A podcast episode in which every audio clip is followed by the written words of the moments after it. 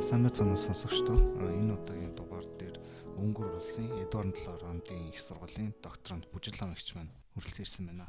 За өмнөх дугаар дээр бид хоёр Wittgenstein-ийн их үеийн талаар ярилцсан байгаа. Тэгээ Wittgenstein-ийн их үеийн философиг төлөөлөх хамгийн гол хөтөл бол лог философийн шастр гэдэг ном байгаа. Тэгээ тэр домыг товч задлж ярьсан.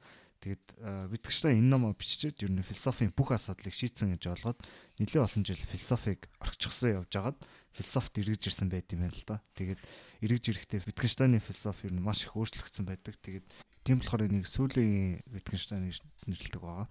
Өнөөдөр бол Wittgenstein-ы сүүлийн талаар ярилцгаална. Тэгээ Wittgenstein сүүлийн санаануудыг шингээсэн айгүй алдартай бүтээл байдаг. Энийг бол Philosophical Investigations буюу философийн судалгаа гэдэг ном байгаа. Тэгээд тэрийг энэ дугаар дээр голцоо авч ярилцсан. Тэгэд юуны төрөнд Wittgenstein яагаад буцаж ирэх болсон бэ гэж би танаас сумаар нь тэгээд сүүлийн Wittgenstein ихэнх Wittgenstein-ыг ерөнхийд нь яаж юугаар нь ялгах юм бол За тэгэхээр саяны хэлсэнчлэн 1918 онд бол нөгөө лог философийн шаштраа бичээд за ингээд философт хийх ажлаа хийжлээ гэд а ерөнхийдөө бол 20 оноос хойш бол философоос нэлээд зайгаа барьсан байгаа өөрөө чинь хэлсэнчлэн. А тэгээд тэр хугацаанд бол айгуу тийм олон янзын ажил хийсэн гэдэг юм байлээ. Цэцэрлэгч хийсэн 10 жил очиж хүүхдүүдэд одоо багшилсан. За тэгээд бас тийм одоо архитектураар хүртэл оролцож исэн гэж ярьдаг. За тэгээд ингэ ингэж явах үедээ бол бас яг нөгөө юу гэдэг философийн хүрээллээс бол бүр оогт холбоогоо тассан зүйл байдаг юм байлээ дор хаяал нөгөө 10 жилд багшилж явах үедээ ямар мэдрэмжүүд төрсөн яасан тухай сонин содноо Рассел руу бичдэг ч гэх юм уу? Дахиад Wittgenstein дээр Ramsay тэргүүтэй хүмүүс очиж их уулздаг ер нь эргэж ирээч гэж ятгадаг за тэгээд дунд нь бас Венийн дугуулгынхаа бас хит хит удаа ер нь уулзаад амжсан байгаа. Тэгээд ингээд а их тийм юм олон янзын одоо туршлагуудаа нүүр тулж явж явах хэвчээ өөрийнх нь анзаарсан юм юу байсан бэ гэхээр өөрийнх нь нөгөө бичсэн лог философийн шаштар гэдэг бүтээл нь бол яг тийм юм тийм сургаал болцсон байна номлол болцсон байна. Бүр цаашлбал энэ айгуу тийм тийм догматик болцсон байна гэдгийг бол өөрөө олж харсан байгаа юм л та.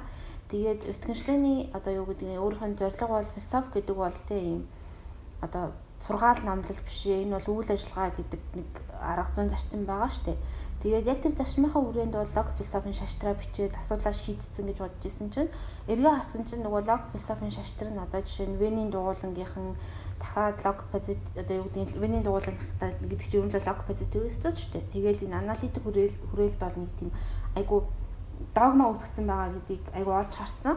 Тэр нь нөлөөлсөн юм шүү.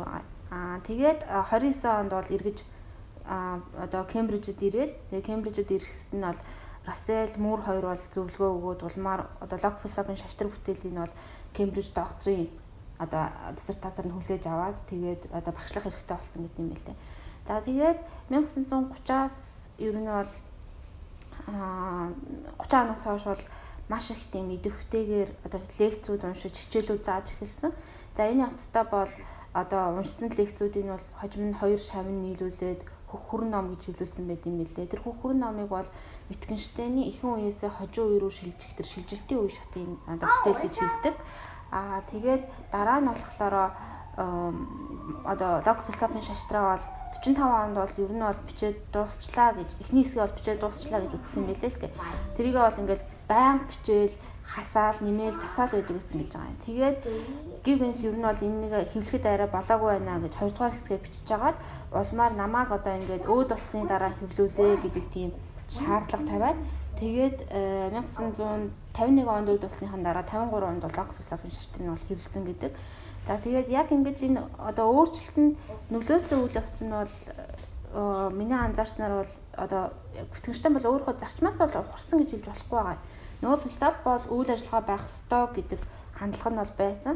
А гэхдээ яг энэ хандлагаасаа ингээ хараад явсан чинь яасан бэ гэхээр нөгөө одоо юу гэдгийг философийн асуудлуудыг чинь үүсгэж байгаа юм энэ нэг хилний хоёрдмол утгатай байдал нь байна. Энэ их тийм юм учраас энийг зэкслэхийн тулд нөгөө төгс хэл буюу зохиомол хэл асуудлыг шийднэ гэдэг ялангуяа тэр нөгөө нэг метафизик логик философи руу орсон байсныгаа эргээлээд ороод харсан чинь нөгөө лог ялангуяа тэр одоо төгс хэлэн дээр суурилсан тэр философи нь өөр айгуу тийм хатуу дахиад нэг тийм системчлэгдсэн дахиад тийм юм одоо номлол шинжтэй болцсон байгааг нь хараад харсан их нөлөөсөн болов уу гэж бодогдсон сүүлд ингээ уншиж байхад харин нөгөө нэг шүүмжлээдээс их хэл маань өөр айгуу тийм уян хатан гулгамтгаа маш олон баялаг агуулгатай байдал нь ч одоо юу гэдгийг энэ одоо хилний өөрийнх нь сул тал биш харин хилэнд өөрт нь байдаг шинжимаа гэдгийг нь бас үнэлэх бас нөлөөсөн болов гэж анзаарсан. Тэгээд э, яг ингээд бүтгэрчтэн бол өрөөсөө ингээд нэг тийм юм эргэн тойрныхоо үйл явцууд дундаас дандаа нөгөө ажиглж ийдэг, анзаарч ийдэг. Тэгээл ингээд нөгөө нэг одоо эргцүүллүүдээ ер нь л ингээд хийгээл яваад идэг гэсэн хүн болов гэж бодогддог л доо. Одоо энэ хожим тайлбарлах тэр нөгөө нэг хит хитэ ойлголтуудаа бол ингээд хүмүүсийн үйлдэлүүдээс л анзаарсан байгаад байдаг байхгүй юу? Тэгээд э, тэгэхээр товчхондоо бол юу гэдгийг яг хоёр үеийн Wittgenstein-ийн ялгаа бол яхаа аргагүй хилэнд хандж байгаа хандлага гэж хэлж болно. Эхөн үе бол одоо төгс хэл буюу цоомл хилэнд чиглэгдсэн философитой байсан бол хожуу үе нь бол яг тэрэн дээр суурилсан өөрийн тэр одоо лог философийн шаштар хийгээд аналитик философийг одоо шүүмжилсэн шүүмжлэл яг тийм нөгөө эхлэлний философч үүднээс шүүмжилсэн шүүмж байгаа юм л та. Тэгэхээр ийм одоо төгс хэл нөгөө талд нь их хэл гэдэг нэг ийм хоёр хилэн дээр л хийсэн анализаар бол ихэнх үеийн хийгээд хажуу Wittgenstein-ыг ялгаж болно. А гэхдээ цаана байгаа тийм нэг Wittgenstein-ийн сүнс нь бол өөрчлөгдөө гэж хэлж болж байгаа. Нэгсэндээ философи бол үйл ажиллагаа байх ёстой гэдэг зарчмаасаа бол Wittgenstein ерөөсөө ухраагүй одоо тийм нөгөө улааныг үзэж ураад шарыг үзэж шарвна гэдэг шүүгээрт бол ерөөсөө хийгээгүй. Яг л нөгөө зарчмаараа асуудлыг авч үзээл шийдвэрлээл явж байтал өмнөх нь асуудал нь одоо одоо алдаатай байгаа гэдгийг олж хараад тэрийг айгүй тийм зоригтойгоор шүмжилсэн нэг тийм одоо скетэн хүний хийдэг үйлдэлийг л хийсэн тийм гоё жишээ гэж хэлж болохоор байгаа байхгүй юу. За тэгвэл шууд номроогоо орд юм уу гэж бодож байна. Тэгээд аа ном нь бол ер нь бол угаасаа хилний тухай философи тэгээд хилэнд угаасаа яригж байгаа хамгийн зүйл зүйл нь утга гэдэг байгаа шүү дээ тий. Утга миний яг одоо ингээд философчд амар их үг хиллэг хэрэгжилж байна. Метафизикийн дебетүүд, маргаанууд ч юм уу дандаа л утган дээр суурилж байгаа. Тэгээд Wittgenstein бол энэ дээр утгыг хэрэглээ гэж харж байгаа шүү дээ тий. Тэгээд энэ нь бол одоо нөгөө уламжлалт ойлголтуудаас айгүй өөр гэх юм уу? Одоо Wittgenstein-аас ном дээрээ ярьсан байсан. Та тэгээд энэ талаар утга гэдэг хэрэглээ гэдэг талаас нь яг тайлбарлаж өгөөч яг хүмүүс юу гэж хардаг байсан Wittgenstein яаж өөрөөр хараад байгаа гэдгийг. За тэгэхээр яг энэ утгын тухай уламжлалт тайлбар гэдэгт бол үндсэндээ жишээ нь Lycan бол нэг дөрвөн янзын онолыг багтааж тайлбарлаж байгаа. Нэгдүгээрт нь бол нөгөө нэг reference-ийн хийгээд description онол гэж хэлдэг. За дахиад энэ бол Frege Рассел тэргүүтэй хүмүүс байгаа юм л да. За тэгээ эндээ төсөөдөөгөр бас Расселийн өөрийнх нь ярьдаг бодомжийн онол байгаа. Аа тэгээд Локийн одоо санаалаг онол гээд за дахиад хэрвээ бид нар хөрөө хүсэх юм бол Крифкегийн нөгөө нэг шалтгаан толгойн онолыг бас багтааж болох гэдэг юм. За ерөнхийдөө энэ онолуудыг бол яг юм аналитик философийн хүрээнд ярьж байгаа утгын тухай онолууд гэж хэлж болж байгаа юм л да. За тэгээд тэгэнгүүт энэ онлуудын цаана байдаг амин сүнсэнд нь байдаг нэг жиг санаа нь юу вэ гэхээр лог философийн шаштал дээрж гарсан байдаг. А философийн судалгаан дээр бол бүр ингэж шүүмж болгож ашигласан байдгийг нөгөө Августины санаа явж байгаа. Тэгээд философийн судалгааныг эхлэхдээ Августины нөгөө нэг одоо намжлалаас жишээ авч эхэлсэн байдаг да. Тэгээд тэнд байж байгаа Августины үндсэн санаа нь юу вэ гэхээр одоо яг хүний хэл сурах үйл явцыг тайлбарсан байна. Тэгээд хүн хэл сурахтаа болохоор яадаг вэ гэхээр нэгдүгээрт нэрүүдийг ялгадаг. Юмн дунд ямар ямар нэр байна гэдэг. За дараа нь тэр нэрүүд нь ямар одоо тэр нэрээр юуг нэрлэж байгаа гэдгийг одоо олж хардаг. За улмаа өөрийнхөө бодол мэдрэмжээ илэрхийлдэг гэдэг үндсэн санааг дэвшүүлсэн аргументыг явж байдаг. Аа тэгэнгүүт Wittgenstein энийг хараад өгж байгаа одоо шүүмж нь бол юу вэ гэхээр яг энэ хандлагын цаана байгаа асуудал нь бид нар үгийн утга гэдэг ямиг бол нэгдүгээрт бид нар ингэж одоо үгээс нь өөрөөс нь ингэж тусад нь авч үзэж जैन те тусдаа бие даасан нэг индивидуал гэж авч үзэж байна. Одоо үг утга хоёрыг салгаад авчиж байна. За тэгэнгүүтээ дахиад тэр утга гэдэг юм нь болохоор цаанаа заавал ямар нэгэн юмыг одоо рефер хийж явах хэвээр ямар нэгэн юмыг ингээд зааж явах хэвээр гэдэг санаагаар ярьж байна. Тэгэхээр одоо үгийн утга гэдэг бол а цаана байдаг ямар нэгэн юмтай корреляцтай юм уу аль эсвэл ямар нэгэн байдлаар корреспонденттай тийм ингээд нэг яг ингээд таг гэж тулдаг гэдэг энэ санаа бол ерөөсөө салахгүй байгаад байна гэдгийг бол итгэмжтэй ингэж олж харж хүмжилсэн байгаа. Тэгэхээр саяны хэлсэн локийн санаалаг онол байна уу, бодомжийн онол байна уу, референцийн онол байна уу? Энэ онолуудын ад байдаг үндсэн санаа л бүгдээрээ тийм. Тэгээд яг хуу одоо энийг бид нар бол заримдаа юу гэдгийг ostensive гэж бас хэлдэг л дээ. Ялангуяа хүүхдэд хэл заахад яадаг вэ гэж тэгэхээр гар утас гэж юу вэ гэд мэдгүй хүүхдэд болохоор энийг хараа тий энэ гар утас гэл ингээ хэлж өгж байгаа юм чинь бол ostensive гэж хэлээд байгаа байхгүй юу. Тэгэхээр яг энэ хиний Августины хэлж байгаа санаачсан дээр ерөнхийдөө л ийм жишээ нь юу гэдгийг тэгээ үзэг гэж юу вэ гэхээр яг үзгийг харуулаад энийг хэлнэ гэдэг. Тэгэхээр тийм үзэгний утга нь юу вэ гэхээр яаж яг тэр нүуний зааж байгаа үзэг нь бол таарад байгаа байхгүй юу Тэгэхээр бас энэ амар сонирхолтой л л да. Ууг нь ингээд бид нар дандаа референтээр боддог гэх юм уу. Тэгээд одоо за энэ үзэг байна, энэ одоо юу гэдэг байна ч гэдэм үү. Гэтэ ингээд 5-ын тоомоо гэдэг рүү орохоор бид нар яг ингээд миний хувьд бол ингээд яг заах юм байхгүй. Тэгээд яг ингээд яг утга нь хаанаасаа гарч байгаа юм бэ гэхээр яг 5 гэдэг зүйлийг хэрэгжилж байгаа гэдгээс гарч ирж байгаа гэд тэгж бодсон ч бас жоохон сонирхолтой санагдсан. Аа тэгээд Тэгээд за хэрэглээ гэж байгаа. Тэгээд бас энийг амьдралын хэлбэр мэлбэр гэж хэлж байгаа надад амар сонирхолтой санагдсан. Нийгэмтэйг амар холбоотой. Тэгээд яа дий одоо хэлчих ингээл байн хувьсаж явж байгаа шүү дээ. Хот шиг ингээл шин юм нэмэгдээл шин юм хасагдаал. Тийм байн ингэж хуурч явж байгаа ингээд үйл ажиллагаа айгүй тийм актив хөдөлгөөнтэй тийм дүрсээ өөрчилдөг зүйл юм шиг тэр талаар нь ярьсан. Эн дээр тэгээд юу хилэн тоглоом гэж ярьсан. Та энэ айгүй Wittgenstein-ийн үед айгүй үндсэн чухал ойлголт юм бэлээ. Тэгээ та энэ талаар жоох тайлбарлаж өгөөч.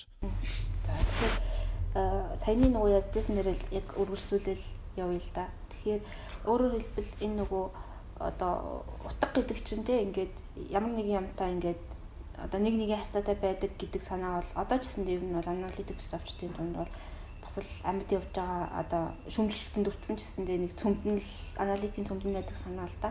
За тэгэнгүүт өөрийн хэлсэнчлэн Wittgenstein бол ерөөсөө үгийн утга гэдэг бол заавал яг итгэвчтэй бол ямар референтийн харилцаа байдаг гэдгийг огт үгүйсгээгүй биш. А гэхдээ энэс өөр санаа байна. Өөрөөр хэлбэл яг энэ 5-ын тоо бол нөгөө философийн судалгаан дээр байдаг нь шүү дээ. Өөрөөр хэлбэл бид нар бол одоо үгийн утгыг хэрэглэхдээ бол бид дандаа ингээд хэрэглээний явцдал тэр үгэнд нэг утга оноогоо яваад байдаг. За тэгээд одоо энэ оноогдож байгаа утга гэдэг маань өөрөө бол үндсэндээ хилэн тоглоом гэсэн нэг юм сүлжээ хэлхээсэн дунд л ингээд одоо эхлээсэн дунд л үг хэрэглэгдлээ гэхэд тэр дундаа л хаана газар очихтол утгаа ингээд нөгөө оноогдоод оноогдоод одоо аваад аваа явдаг гэж хэлж байгаа юм л та. Тэгэхээр ямар ямар жишээ авах уу хилэн тоглоом гэвэл а хилэн тоглоомны маш олон жишээнүүд байж болно. Одоо энгийн приматив хийгээд бүр ингээд нарийн хвчсэн хилэн тоглоомод байна гэдэг аахгүй. Одоо жишээ нь юу гэдгийг одоо философи хэлэн тоглоом, урлагийн хэлэн тоглоом, тэг ингээд шинжлэх ухааны хэлэн тоглоом гэхээс ахуулаад өөрийнх нь ярьж байгаа нөгөө нэг хоёр барилгын хэлэн тоглоом байгаа шүү дээ. Тэгээ нэг нь ингээд одоо слаб гэл тэгэнгүүт аваачаал нөгөө нэг юугаа өгж байгаа тоосгоо өгж байгаа тий. Тэгэнгүүт яг ингээ харахаараа өө энэ тоосго слаб хоёр чинь яг ингээд нэг ижилхэн юм байна. Одоо слаб гэдэг нь тоосго гэдэг рефер рефер хийж байна гэж бол ойлгож болохгүй гэж байгаа юм битгэнчтэй харин энд бол слаб гэдэг үг нь бол наа тоосгоо өгөө гэж хэлдэг нөгөө нэг санааг илэрхийлж байгаа учраас энэ функцтэй байгаа учраас энэ нөгөө нэг функцтэй учраас утга нь тэндээ гарч ирж байна гэж хэлээд байгаа юм. Тэгэл ерөнхийдөө бол энэ хилэн тоглоом гэдэг нь бол одоо юу гэдгийг энэ санаагаа бол өөрөө хүмүүс хөл бөмбөг тоглож байгааг хараад болсон санаа гэж байгаа байхгүй. Тэгэхээр хилэн тоглоом болгонд нэг өөрсдийн гэсэн нөгөө дүрмүүд байдаг. Тэгээ энэ конвенцийн дүрмүүд байдаг. Тэгэл тэр дүрмийн хүрээнд дотор л юу гэдгийг бид нар ингээд одоо тэр дүрмийг гэхдээ хамгийн гол нь чи энэ дүрмийг сур гэж хин нэгэн заадгүй бид юусэн ингээд конвенцийн явцдаа сурчдаг. Тэгэл тэр хилэн тоглоомын дүрм нь одоо юу гэдэг нөгөө амьдралын хэлбэр гэж ярьдаг шиг тийм ингээл нөгөө соёл, орчин, контекстууд яаж өөрчлөгдөнө тэрийгэ дагаал ингээл аажмаар өөрчлөгдөж идэг. Тэр өөрчлөлтөнд донд л нөгөө нэг өгийн утгачин гэсэндээ яг хэрэг дагаал ингээл өөрчлөгдөд явж идэг гэдгийг санаа ярьж байгаа байхгүй юу. Тэгээд одоо зүгээр тухайн үед бакалаврт оролцож байхад миний нэг анзаарсан олсон санаа юу вэ гэхээр биеэр анзаарсан юм бэ гэхээр нэг хилэн тоглоомны дүрмтэй нөгөө хилэн тоглоом руу яг ингээд таг гэд орж таардгүй гэдэг санаа бол тэнд байсан. Тэрийг ингээд жишээгээр аваад харахад философи айгуу санагдчихсан байхгүй. Дор хаяад одоо жишээ нь үүдийн бид нэр хүч гэдэг үг хэрэгжилж байгаа шүү дээ. Тэнгүүд философийн хэлтэн тоглоомд ашиглаж байгаа хүч гэдэг үгийн утга физикээс өөр байгаа байхгүй юу?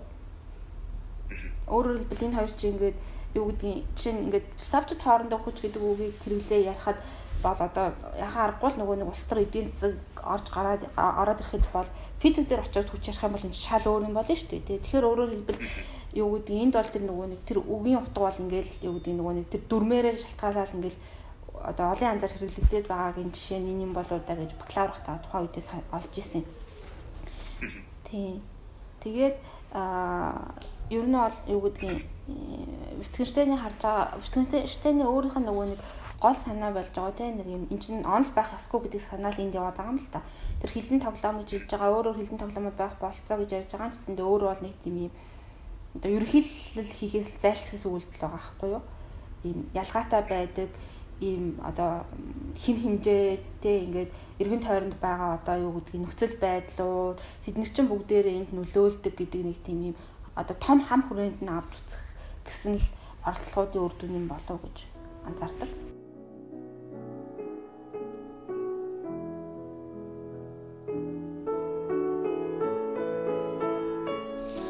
Тэгээд тоглоом гэсэн чинь бас нөгөө Wittgenstein хэлдэг шүү дээ ингээд тоглоом болгоо айгүй өөр өөр байдаг. Өөр өөр дүрмтэй. Зарим нь одоо өрсөлт юм уу? Эсвэл одоо ядаа аавтайгаа барилдаж байгаа нэг өөр тоглоом, шатарч жоглож байгаа нэг өөр гээд тэгээд яг тоглоом болгонд бүгдэнд нь байдаг. Тим universal юм байхгүй. Яг одоо за тоглоомны essence гэж гаргаж ирээ гэвэл уусаа байхгүй. Тэгээд яг ингээд тоглоом гэж юу юм бэ гэдгийг ойлгоё. Утгыг нь харъя гэх юм бол зүгээр хар гэдэг байгаа шүү дээ. Бүр ингээд амар абстракт юм ярьж хахаар яг ингээд тоглоомнууд юу вэ? Зүгээр өөрөө хар гэж хэлдэг. Тэгэд энэ дээр нөгөө нэг гэр бүлийн төсөө гэдэг ойлголт гарч ирдэг. Тэгээд тэр нь надад амар таалагдчихсэн. Аа та энийг жоохон тайлбарлаж өгөөч. Энэ гэр бүлийн төсөө болохоор юу гэдгийг саяны хэлсэнчлэн өөрийнх нь нөгөө нэг тийм одоо одоо энэ дүүхцаарч гэх юм уу те ерөнхийдөө хийх ихээс зайлсхийсэн үйлдэл байгаа байхгүй баг аналогоор хуу тэгээд одоо зарим одоо ялангуяа өгүүдийг аваад үзэхээр нөгөө нэг юм өөр хоорондоо төстэй байдлаар хэрэглэгддэг үгнүүд байдаг. А тэгэнгүүтээ энэ үгнүүд бүгдээрээ одоо ижилхэн одоо эссенстэй үгнүүд үү, ижилхэн утгатай үгнүүд үү гэхээр үгүй. Харин одоо юу гэдгийг нөгөө хэрэглэгдэж байгаа байдлууд нь одоо ингээд гэр бүлийн төсөө шиг хоорондоо хавахаар төсөөтэй байдаг гэдэг байхгүй. Тэгээ одоо жишээ нь аав хоёрыг аваад үцхэд тис ондоо гэхдээ харахаар ав хоёрын төсөө харагдаад байдаг гэдэг. Тэрэн шиг жишээ нь тоглоом гэдэг үгэн дээр хүртэл өөрөө яаж байгаа байхгүй. Одоо ингээд тоглоом гэдэг үгийг аваад үзэхээр энэ бол яг ингээд гэр бүлийн төсөө байна. Жишээ нь шатар байна нэг талд нөгөө талд юм хөл бөмбөг байна дахиад нөгөө талд нөгөө шагаа наадах гэдэг юм ингээл эднийг харахад бүгдээрээ амар өөр өөр өөр байгаа. Гэхдээ энэ донд ингээл нэг нь нөгөөтөө дахиад нэг нь нөгөөтөө нэм жижигэн жижигэн төсөөнүүд байгаа. Энэ төсөөнүүдийн нийлүүлэл эднэр чинь бүгдээрээ тоглоом дотор багтж байна гэж бид нар оруулж яриад байна. Тэгэхээр ингэж оруулж ярьж байгаа юм нь бол ерөнхийдөө бол биш энэ бол юу гэдэг гэр бүлийн төсөө гэж ярьж байгаа. Аа ер нь бол гэр бүлийн төсөө гэдэг бол яг тийм мөн чанарчлах гэсэн хандлагаас л зайлсхийж байгаа. Дахиад нөгөө нэг утга гэдэг бол өөрөө тийм яг таг нэг нэгийн харьцаатай бишээ гэдгийг илэрхийлж байгаа юм харсан. Тийм тэгээд энэ дээр нөгөө нэг миний нэг бодсон юм та сая мөн чанарчлах гэсэн штеп Тэнгууд яг нөгөө нэг одоо Сократ чи ингээл за шудраг ус гэж юу вэ гэж ярьдэн штэ. Яг шудраг ус гэж эссенс нь юу вэ ингээл. Тэгэл хүн амьтаа ингээл тодорхойлолт өгөнгөт дандаа л нэг эсрэг жишээ болоод байдаг. Тэгээд ер нь бол одоо яа дээ Сократ тэгээд Платоны үе чинь юмны эссенс яг ингээл гол мөн чанар яг уг үндэс рүү үг мүгээ сайн ингээд амар тодорхой болгож иж философо яг ингээд баттай болгох гээд байгаа. Тэгсэн чинь энэ дээр болохоор Wittgenstein шал өөр төрлийн хандлага авч байгаа гэх юм уу. Тэгээ шудраг ёс гэж яг ингээд нэг тийм эссенстэй тодорхойлолт байхгүй. Гэр бүлийн төсөөгөр харж байгаа гэдэг нь одоо яа тийм одоо гэр бүлийн гişүүд ингээл янз бүрийн нүүр мөр нийжлэгэн, нүд ам нийжлэгэн, яриа нийжлэгэн ч гэдэм үү. Тиймэрдүү байдлаар жишээнүүд байж болно гэхээс яг ингээд голыг нь зоогоод авчих юм байхгүй гэдэг нь надад өөр сонирхолтой санагдсан гэх юм уу. Яг философийн яг нэг тийм уламжлалт юмас амар юу гэмтэй. Тий нөгөө Wittgenstein-ийг тэгдэг штеп ингээд ер нь л ихэнх философтанд Аристотелийг уншсан л байгаа штеп. Ямар нэгэн байдлаар Wittgenstein бол Аристотелийг уншаагүй гэдгээр айгу алдартай байдаг. Аа тэгээд яг нөгөө талаасаа бол юу гэдгийг өөрөө яг л айгу их тийм нөгөө controversial дүр гэж яригддаг. Одоо аналитик философи айгу их нөлөө үзүүлсэн юм. Тэрийг өөрөө шүмжлэн гэдгээр яж гэх юм уу. Тэгээд дахиад яг энэ утгаараа бол Wittgenstein-ийн санаанууд бол нөгөө пост философчдаас айгу их нөлөө үзүүлсэн байдаг. Одоо Derrida тэргүүтэй нөхдүүдээс ахуулаад юу гэдэг юм тэг ингээд жишээ нь логоцентри тэгээ логоцентрист үзлийг чинь айгу шүмжилсэн шүмжүүд явж байгаа шүү дээ. Тэгэхээр энэ хажуу Wittgenstein дээр ч гэсэн яг л тийм байдал харагддаг. Нэгсэндээ Платоны ярьсан шиг тийм хэлбэр гэдэг гэдгээс зайлсхийж байгаа аахгүй юу? Хэлбэр гэдэг бол яг ингээд нэг юм дөрвөлжин дотор багтчихл байвал тэр юмдыг хэлбэр гинэл гэж хэлнэ шүү дээ. А гэтэл үгүй эн чинь нэг юм гулсамтгай, хөлбөрөмтгий, хаана хин юу яаж ярьж байгаасаа шалтгаалдаг гэдэг тэр санаанууд айгу тийм тод гарч ирдэг. Тэг тэрүүгээрээ бас айгу тийм үзэсгэлэнтэй гэх юм уу. Дахиад яг тэр утгаараа нөгөө нэг философи өөрөх нь ирэх чөлөө итгэжтэйс айгу сайн үнэртдэг. Харин тий дээрэд ч бас тэгж хэлж ирсэн. Юу яг энэ юу вэ гэж битээ асуу. Энэ яаж вэ гэдгийг асуу гэд. Тэр надаас энийг санагдуулсан. Аа за тэгээд бас сүүлийн Wittgenstein дээр бас нэг чухал ойлголт бол дүрм тэгээд дүрм тагт талаар ярьдаг тий. Тэгээ энэ нь бол одоо яа гэв тэр утгатайгаа шууд айгүй холбоотой. Тэгээд та энэ талаар бас тайлбарлаж өгөөч. Аа тэгэхээр Wittgenstein-ээр гаргаж ирж Wittgenstein өөрөө нөгөө нэг grammar тэгээд дүрм хоёрыг бол хоёулын нэг айгүйх түгээмэл хэрэгэлдэг. Тэгээд хэлний хэл шинжилгээхэн бол grammar-ыг бол хилцүү гэж орчуулдаг юм байлээ. Аа тэгээ ерөнхийдөө бол энэ юу гэдгийг бидний нөгөө уламжлалт ойлгосноор бол энэ хилцүү гэдэг чинь бол тэ ингээл нөгөө нэг юм яг так тогтчихсон байгаад л а тэрийгэл яг хөглөөрөө л ингээл юм тогтцсон юм схем шиг зүйл байгаа л тэрийг л бид нэр заавал даах ёстой гэдэг. Тэг ингээд нэг дээрээс бууж ирсэн те нэг юм зүйл гэдэг төсөөл байгаад байдаг. А тэгэнгүүт Wittgenstein-аар болохоор харин энэ одоо энэ хилцүү гэдэг бол өөрөө их тийм арбитар шинжтэй те ингээд уян хатан яг ингээд нөгөө нэг тэр амьдралын одоо хэлбэр явцад дунд л ингээд өөрөө нөгөө нэг конвенцоор өөрөө ингээд байнга хөдөлж идэг өөрчлөгдөж идэг зүйл. За гэдэг тэр э, одоо уламжлалт утгаас арай өөр утгаар хилцүүг бол өөр утгаар тайлбарласан байна. За тэгээд а дүрм гэдэг дээр бол Wittgenstein-ийн өгж байгаа санаа бол юу гэхээр яхаа аргагүй. Одоо жишээ нь тухайн нөхцөл байдал тэр үйлдэлттэй тэр үгийг хэлэхэд а хэлэхэд тэр үг нь өөр утгатай байх тэр нэг юм одоо зоон гэх юм уу да тэрийг бол дүрм бол хангаж өгч байгаа. Дүрм бол яг тэр яхаа аргагүй. Хим хэмжээг бол зааж өгч байгаа гэдгийг бол өөрөө онцолж хэлж байгаа юм л да. Тэгээд Wittgenstein-ийн энэ санаа бол юу гэдгийг зөвхөн одоо бусад их газрын философичдуудыг уу аналитик философич дунд ч гэсэн айгүй тийм нөлөөгөө үзүүлсэн байдаг. А даах ёстой нөгөө хим хэмжээ байна гэдэг дэр бол аль аль нь лижилхэн зүйл санаа яриад байгаа байхгүй. Тэгэхээр Wittgenstein-ийн хоор хэлж байгаагаар болохоор тэр хилэн тоглоом болгонд өөрсдийн гэсэн тэр нөгөө нэг дүрмийн цогц тэр дүрмүүд байна. Тэр дүрм дунд л одоо нөгөө нэг одоо нэг нөгөө нэг үг гэдэг бол өөрөө яг л нэг тийм жижигхэн нөгөө нэг юм одоо шатраар их юм бол одоо шатрын хөлөг дотор байгаа л аль нэг тийм ингийн хүүч гэх юм уу те аль нэгэн шиг нь тэгээд л яг дүрмийнхаа дагуул тэр нөгөө нэг одоо нүүдлээ хийдэг. Тэгэхээр тэр нөгөө үгийг тэр хэл гэдэг одоо харилцаан дунд ингээд орж явахтай тэр нөгөө нүүдэл хийхэд хаашаа нүүдэл хийх вэ хаана байх вэ гэдгийг нь зааж өгдөг тэр зүйл бол юу гэхээр дүрм гэдэг. Дүрмд өөрт нь айгуу тийм хязгааргүй олон тооны ийм интерпретац буюу тайлбарлууд байж болдог. А тэгэд юу энэ дэр нэрээ нэг миний нэг сансан юм одоо ингээд шатрын хүүг авч үзэн штэ тий. Тэнгууд за шатрын хүү болвол за урагшаа нүүдэх ч юм уу тий ингэж иддэг ийм юм дүрмүүдтэй гээл хүүгийн талаар ер нь бол ярьж болно. Гэтэ тэр хүүг яг тэр шатрын хүрээндл шатрын дүрмийн дагуул яригдчих болно. А гэхдээ шатрын дүрмээс нь шатраас нь гаргаад авчих юм бол тэр хүү ямар ч утгагүй гэд тэгээд энэ надаас айгу зөвүүн жишээ юм шиг санагдсан. Тийм. Яг тийм. Өөрөөр хэлэх юм бол юу гэдгийг нөгөө нэг өөрөө хэлж байгаа штэ хэл бол тоглоом те тэгээ одоо нэгсэндээ хэл тоглоом гэдгийн цаана бол хэл бол өөр үйлдэл функцл гэж байгаа байхгүй юу. Тэгээд одоо юу гэдгийг хэл тоглоом болохоор энэ тоглоом болгонд өөртөө тохирж байгаа дүрм байдаг. За тэгээд тэр дүрм бол өөрөө өөрчлөгдөж болдог. За тэгээд өөрөөр тоглоомонд өөрөөр дүрм үйлчилдэг. Тийм болохоор дахиад л ерөөсөө нэг юм ерөнхий дүрм гэж байхгүй те.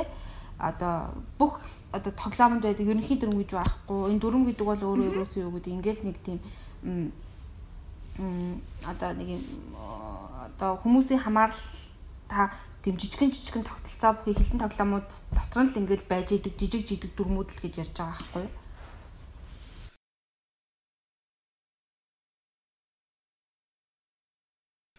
Мм. Wittgenstein маань бас хувийн буюу private language-ийн талаар гоо сонирхолтой зүйлүүд хэлсэн байдаг тийм хувийн хэл гэж орчуулах тий? Private language гэдэг нь. Бодгол хэл гэж гомсрон багш орчуулна тийм. Энэ дээр тэгээд Wittgenstein-ийн нөгөө алдартай хайрцагын доторх цох гэдэг тийм аргумент байдаг та. Одоо хүн болгоо ингээд цох гингүүл нэг өөр өөр юм бодож байгаа дээ тэгсэн мөртлөө цох гэдэг үгийг хүн болго өөр өөрөөр дотроо бодож байгаа ч гэсэн ингээ ойлголцоод ингээ өргөн нийтийг хэрэглэн ашиглаад яваад байдаг. Тэгээд энэ дээр миний нэг ойлгосон юм за хэл бол мэдээж ингээ субъектив хүн болго өөр өөрөөр мэдэрдэг. Тэгээд гэтээ энэ дээр тэгээд одоо хүн хүний дотоод мэдрэмжийн талаар юу гэж хэлдэг юм бол ер нь хувийн хэлний талаар Wittgenstein юу гэж философтдаг вэ? Аа энэний цаана бол бас дахиад Wittgenstein яг Wittgenstein-ийн өөрийг нь behaviorist гэж хэлдэггүй. Гэхдээ айгүй behaviorism руу хандсан одоо санаа ярьдаг гэдэг санаа нь бол энэний ард бас гарч байгаа юм л да. Өөрөөр хэлбэл би өвдөж гин гэж хэллээ. Гэхэд яг нэг өвдөж байгаа мэдрэмж бол ингээл надад л үлдэн штэ. А тэгвэл миний өвдөж байгаас хин нэг мэдэхгүй би өвдөж байна гэж нөгөө нэг үйлдэлээрээ буюу ингээ өөрөө үгээрээ хэлэхээр аа энэ хүн өвдөж байгаа юм байна гэж би ойлгож байгаа штэ. Тэгэхээр ийм нөгөө өвдөгч гэдэг юм уу ялангуяа менталны нүүлдлүүд бол ерөөсөө яг ингээд одоо оюун санаанд бол байд багаад үлдэж байгаа үед бол биш ээ. Энэ бол ерөөсөө ингэж юу гэдэг нөгөө хэрэглээнд гарч ирээд те ингээд хүмүүстэй харилцах харилцааны явцдал энэ бол ингээд одоо өөрөө илэрч гарч ирж байна гэж хэлж байгаа байхгүй юу. Тэгээ өөрөө бүр тэгж хэлсэн байдаг. Үгийг бол би одоо ментал гэж хэлэхгүй. Гэхдээ энэ бол бүхэлдээ материалын биш гэж хэлж байгаа. Өөрөөр хэлбэл нөгөө нэг хэрвээ жишээ нь бид нар одоо юу гэдэг материалист юм уу идеалист гэдэг байр сууриас авч үзэх юм бол эцэншин хаана нэг рүү оруулах нь өөрөө арга аргагүй таарж байгаа байхгүй юу. Тэгээд яг нөгөө нэг саяны хэлж байгаа зохион жишээл өөрөө их гоё жишээ байгаа юм л та.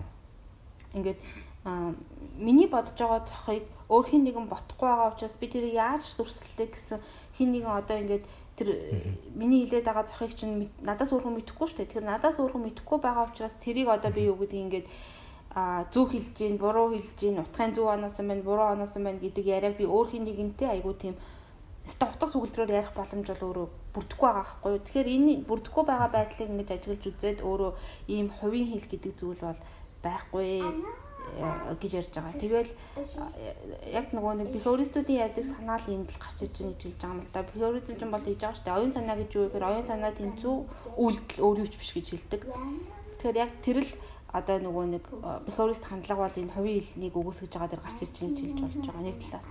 За хоёрдугаарт бол ялангуяа нөгөө нэг бодгол хэлийг бол бид юу гэдэг ямар нэгэн хэлэн тоглоомд оруулж ин тэ энэ бол хэлэн тоглоом мөн гэж хэлэхэд хэцүү. Дахиад бодгол хэлний хүрээнд ботсон бодол одоо юу гэдэг хэлж байгаа тэр үгс бол дүрм дагсан байна, дагаагүй байна, энэний дагуу утга нь оногдсон байна, оногдоогүй байна гэж ярилцах ерөөсөө боломж байхгүй. Нэгсэндээ энэ бол зөвхөн нэгдүгээр биеийн туршлага болохоос биш, гуравдугаар бие рүү орж гараад ингээд нөгөө харилцаанд ерөөсөө орж гарч ирдэггүй учраас а бодгол хэллийг бол битгэнчтэй өөрөө өгөөсгөж байгаа. Тэгээд үндсэндээ бол энэ энэний цаана байгаа санаа нь бол яг л нөгөө нэг бихоризмын дагуу те бихоризм чинь бол оюун санаа гэж юу вэ? Майнд гэж юу вэ гэхээр майнд гэдэг бол үйлдэл өөр юу ч биш гэж хэлдэг. Тэгэхээр яг тэр санаал энд байгаа учраас энэ бодгол хэлийг өгөөсгсөн байна гэж ер нь бол ойлгодог. Тий, оюун санаан дээр бол гомсрон багшийн нэг тайлбар байдаг. Яг гомсрон багш сэтгэхүй гэж бичиж байгаа юм л та. Тэгээд Wittgenstein-ы философи дээрээс хийсэн тайлбар дээр гомсрон багшийн сүүлд өгж байгаа тайлбар бол юу вэ гэвэл Wittgenstein-ы хувьд бол ерөөсөө сэтгэхүй гэдэг бол өөрөө схе сэтгэхүй гэдэг бол өөрөө ерөөсөө өгүүлбэр юм аа. Нэгсэндээ Wittgenstein-ы хувьд бол сэтгхүү тэнцүү хил байдаг.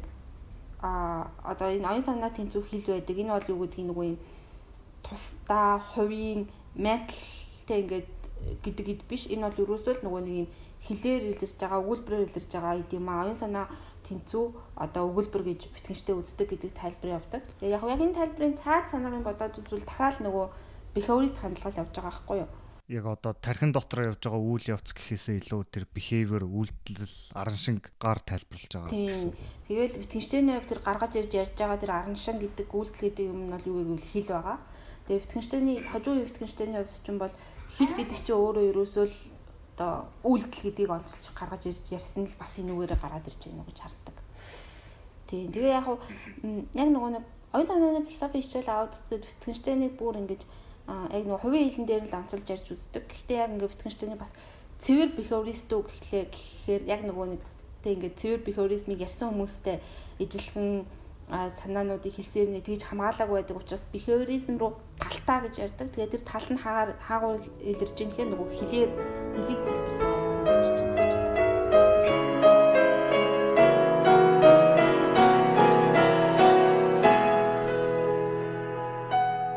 Эцэст нь Wittgenstein бол тэгдэж штэ философиг эмчилгээ гэж харах хэрэгтэй гэд.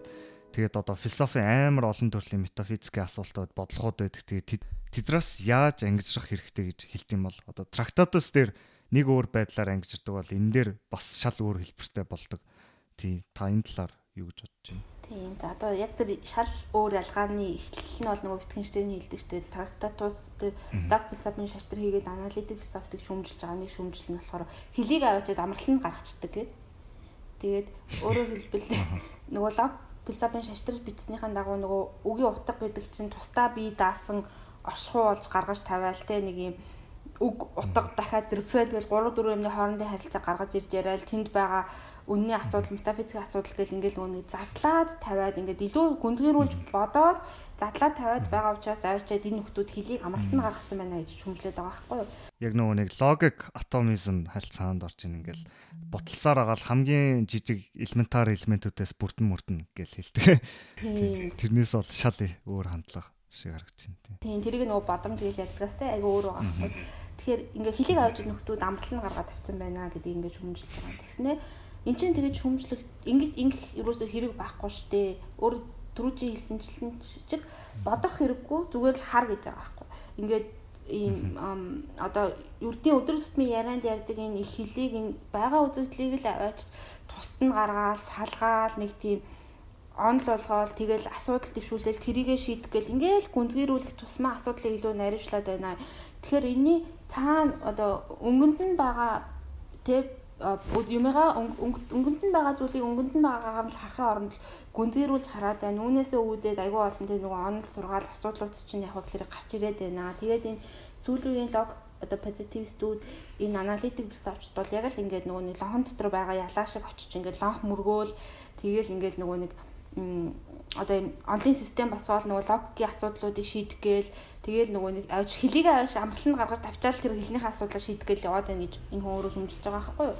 Тэгээ ерөөсөө философи дах гал арга бол юу вэ гэвэл зүгээр өнгөнд байгаа юм ин өнгөнд байгаагаар нь л ингээд хараад тэрэн дундаа ингээд одоо одоо хилнийдээ ингээд юу гэдэг энэ асуудлууд бол философийн ихэнх асуудлууд бол дандаа л нөгөө нэг юм эргэн тойронд байгаа контекст за тэгээл нөгөө нэг одоо хилцүүтэй холбогдлолтойгоор л үүссэн асуудлууд байдаг. Тэгэхээр энэ контекст тэгээд энэ хилцүүн зүйлсийг бол яг байгаа зүйлсийг ингэж байгаагаар нь хараад энэ дээрээ ингээд юу гэдгийг нөгөө философтол хэрэгтэй болохоос биш энэ дээрээ нөгөө онл босгоод абстракт те тийм асуудлуудыг ингэж одоо үүсгээд яваад байх бол юу гэхээр шаардлагагүй байна гэдэг тэр санааг бол Wittgenstein өөрөө хэлсэн байдаг. Тэгээ тийм болохоор зарим хүмүүс бол одоо юу гэдэг Wittgenstein-ыг антифилософч гэх мэтчлэнгээр шүүмжлэх тохиолдлууд бол байдаг. Гэхдээ яг Wittgenstein өөрөө антифилософч гэхээсээ илүүтэй зүгээр л философи гэдэг бол үйл ажиллагаа энэ бол философик үйл явц. Тэрнээс биш энэ бол одоо юу гэдгийг нөгөө нэг физикийн онцлог ч юм уу те эсвэл нэг юм том онлайн системүүд бол бишээ гэдгийг л одоо сурталчилсан гэж ойлгол болж байгаа. Аа тэгтээ яг Wittgenstein-ийн хэлж байгаа нөгөө философик үйл явц гэдгийнхэн цаана бол одоо юу гэдгийг нөгөө нэг одоо орсныхоо гадаа байгаа чугчаа болгон философи гэдэг шиг гэдэг санаа гэхээсээ илүүтэй энэ бас юу гэдгийг өөрийн гэсэн нөгөө бэлтгэлүүд байгаа. Дахиад энэ бол онлын мэдлэг гэдгийг бол өгөөсгсөн одоо онлын гэхээс хаашаа төрөлцсөн гэвэл илүү тохиромжтой юм л да. Философи бол төрөлцсөн мэдлэг гэдгийг өгөөсгсөн санаа байгаа гэж би хувьдаа бол боддгоо. А харин санаа нь цаатлын санаа нь бол нэг юм одоо нэг эргчлөө гэх юм уу да. Нэг философи дахь тэр өөрийнх нь эргчлөөг л хангах гэсэн хандлага байгаа болоо гэж хардаг.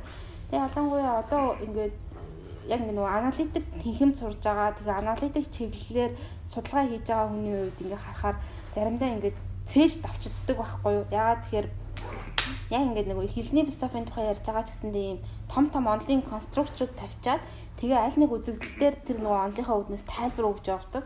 Тэгээд энтэй ерөөсөө нэг хэсэг дасан цагцаагүй нэг жил гар их завсан. Тэгээд завсан шалтгаанаа хайсан чинь яг л нөгөө Wittgenstein-ийн хайгаад байгаа юм шиг тийм эргчүүлээ хайсан байгаа байхгүй нэг тийм ингээд нэг тийм чөлөөлөлт хийж байгаа тий. Тэр үйл явцыг тэр философик үйл явцыг л хийн гэж бодож би энд ирсэн чинь эсрэгээрээ яг Wittgenstein ярьж байгаагийн эсрэг нэг тийм юм том том системүүд донд уучраа олох гээд явж байгаа хүн бол таарсан. Тэгэхээр юу гэдгийг нэг юм хоёр өөр философи юу гэж үзэх вэ гэдэг хоёр өөр хандлага энэ дунд л байна гэж харагдаж болоод байгаа. Тийм болохоор ч тэгдэг юм уу ялангуяа хажуугийн Wittgenstein-ыг бол нөгөө нэг пост философичдад их нөлөө үзүүлсэн гэж хэлдэг одоо юу гэдэг нөгөө пост структуралист, постмодернист те тэр хүмүүст их нөлөө үзүүлсэн гэж ярьдаг. Яхаар 30 тэр нь бол яг энэ хожуу үеэс нь бол харагддаг. А их хүн бол бүхэлдээ л яг л аналитик уламжлалт унтал явж байгаа шүү дээ. Тийм байна. Тий. Тэгээд а дахиад бас нэг сүүлд нь нэмж хэлье да гэж бодож исэн юм нь юу байсан? Нэг утгын тухай яриа байсан. Тэр нь юу вэ гэхээр энэ Стэнфордын толгичиг дээр яг ингээд нөгөө утгын тухай онол гэдэг нэг юм юу байдаг одоо нийтлэл байгаа. Тэр нийтлэл дээр одоо ярьсан одоо нийтлэлийн гол санаа нь юу вэ гэхээр ерөөсөө утгын тухай онол бол ийм тусдаа хоёр янзын онол байдаг. Нэг нь бол утгын тухай семантик онол, нөгөөх нь бол утгын тухай фундаментал онолоо гэж байна. За тэгээд семантик онол нь болохоор яадаг вэ гэхээр утга гэдгийг өөрийгөндөө тэр нэг хэлний тэр одоо тэр бэлэгдлийн систем донд одоо ямар утга олж авч байгаа вэ? Тэр илэрхийллийн утга гэж юу вэ? Тэр тэмдгийн систем дэх өгүүлбэр үгийн тухай утга асуудлыг бол семантик онол бол ярьдаг. А фундаментал онол нь болохоор ерөөсөө тэр зарим хүн эсвэл нэг хэсэгтэй юм нийгмийн юм бүлэг community тэр өөртөөхөө хилэндээ яг ямар утга яаж оноож байгаа вэ гэдгийг тайлбарладаг хоёр тустай онол байдаг гэж ярьж байгаа байхгүй юу. Тэгээ одоо жишээ нь үүдгийн антропологч жишээ авдаг. Антропологч ингээд хааны газар очиод хүмүүс нөгөө ширээ сандлаа яаж засж ийн вэ гэдгийг ингээл хараад нөгөө нэг одоо юу гэдгийг хоол идэх нэг тийм этикетийг ажиглалаа гэхэд те тэргээ зүгээр ингээд describe хийгээд байгаа бол энэ бол семантик онл. А нөгөө талд нь яагаад энэ тохиолдолд тавгаа ингэж тавьж гин яагаад энэ тохиолдолд аягаа ингэж тавьж гин гэж ярьж байгаа бол фундаментал онл юм аа. Тэгэхээр ийм хоёр ялгаатай онл гэж байдаг гэж ялгсан байгаа байхгүй юу. Тэгээ яг энэ ялгааны үднээс аваад үзэх юм бол их үеийн Wittgenstein-ийн утгын тухай тайлбар бол семантик онлын тайлбар байхад хожуу үеийн Wittgenstein-ийн тайлбар бол энэ фундаментал онлын тайлбар байгаа байхгүй. Тэгэхээр цаана их гээд байгаа санаа бол энэ хоёр бол хоёр өөр асуудлыг тайлбарсан юм. Нэг нь нөгөөгөө одоо шүмжилсэн эсвэл нэг нь нөгөөгөөсөө илүү, нэг нь мундаг гэхээсээ илүүтэй байгаа үзэгдлийг гэдгийг хоёр өөр асуулт асуугаад хоёр өөр талаас тайлбарласан хариулт юм байна гэж харах нь илүү зүйтэй болов гэж бодох болсон. За тэгээд эцэст нь хэлэхэд бол те Людвиг Wittgenstein бол маш өргөн хүрээг хамарсан далаастас гэж байж л гэж хэлмээр байгаа. Одоо ингээд зөвхөн хожуу үеийг нь л аваад үзгээд энэ бол их газрын уламжлал хийгээд аналитик философи аль алинд нь маш тод томруу улмөр үлдээсэн байгаа байхгүй юу. Аналитик уламжлалын тий ингээд залхам чалаа болж байгаа их хэл ерийн хэлний философитэй аваад үзгээд энд бол утга бол хэрэглээ мөн гэдэг санаа бол бүр ингээд нэвт шингэжсэн байгаа. За тэгээд одоо их газрын уламжлал тэр дундаа постмодернизм, пост структуралистуудыг харахад бол Wittgenstein-ийн санааг те маш талархаж хүлээж авсан байдал бол ажиглагддаг. Дор хаяад л одоо юу гэдгийг Леотрийн энэ Монгол хэлэнд авчруулагдсан байгаа постмодерн төлөв гэдэг бүтээлийг харахад одоо энэ Wittgenstein-ийн хилэн тоглоом гэдэг санааг бол ингээд одоо арга зүйн багжаа болгоод ашиглчихсан байгаа байхгүй юу? Тэгэхээр э, э, яг энэ тохиолдлууд бол маш олон байгаа. За одоо ч гэсэндээ юу гэдэг Европт бол энэ Wittgenstein судлал үнэхээр одоо амьд тэгээ бүр ингээ хүчээ авсаар л байгаа. Одоо Wittgenstein болон гендер судлал те Wittgenstein болон утга зохиол судлал гэх мэтчлэнгийн одоо эзэмшилгээний хурлууд бол ингээл байнга зохион байгуулагч яваад байгаа байхгүй юу?